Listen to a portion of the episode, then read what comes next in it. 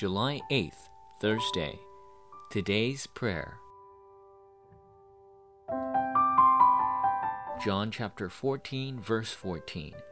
You may ask me for anything in my name, and I will do it. Regardless of the situation, a child of God must enjoy today to the fullest.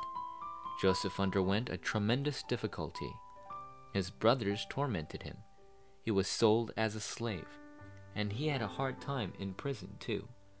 Nonetheless, Joseph enjoyed the greatest blessings in those places. What must I do to make the best of today like Joseph? Number 1.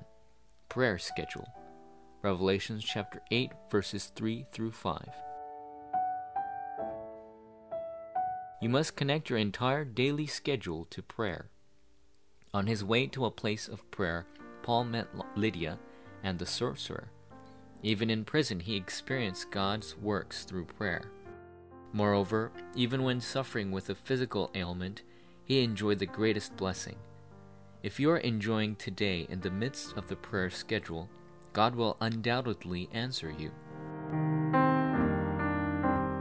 Number 2. Evangelism Schedule Acts chapter 13, verse 48.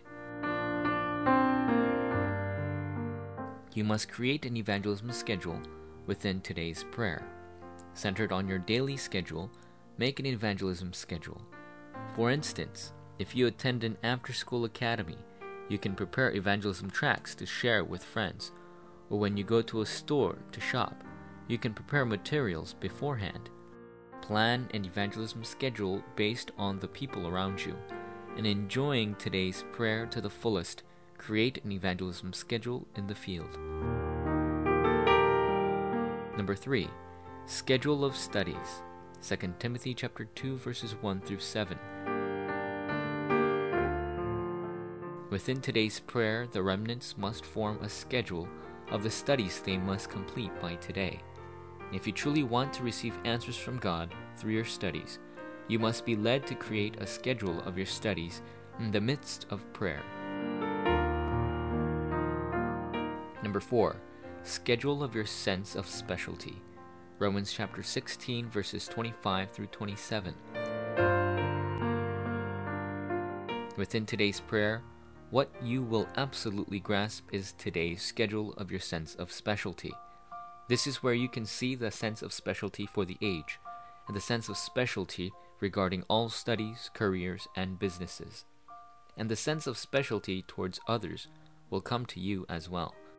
Remnants must obtain the techniques to transform all trials, concerns, and problems into blessings.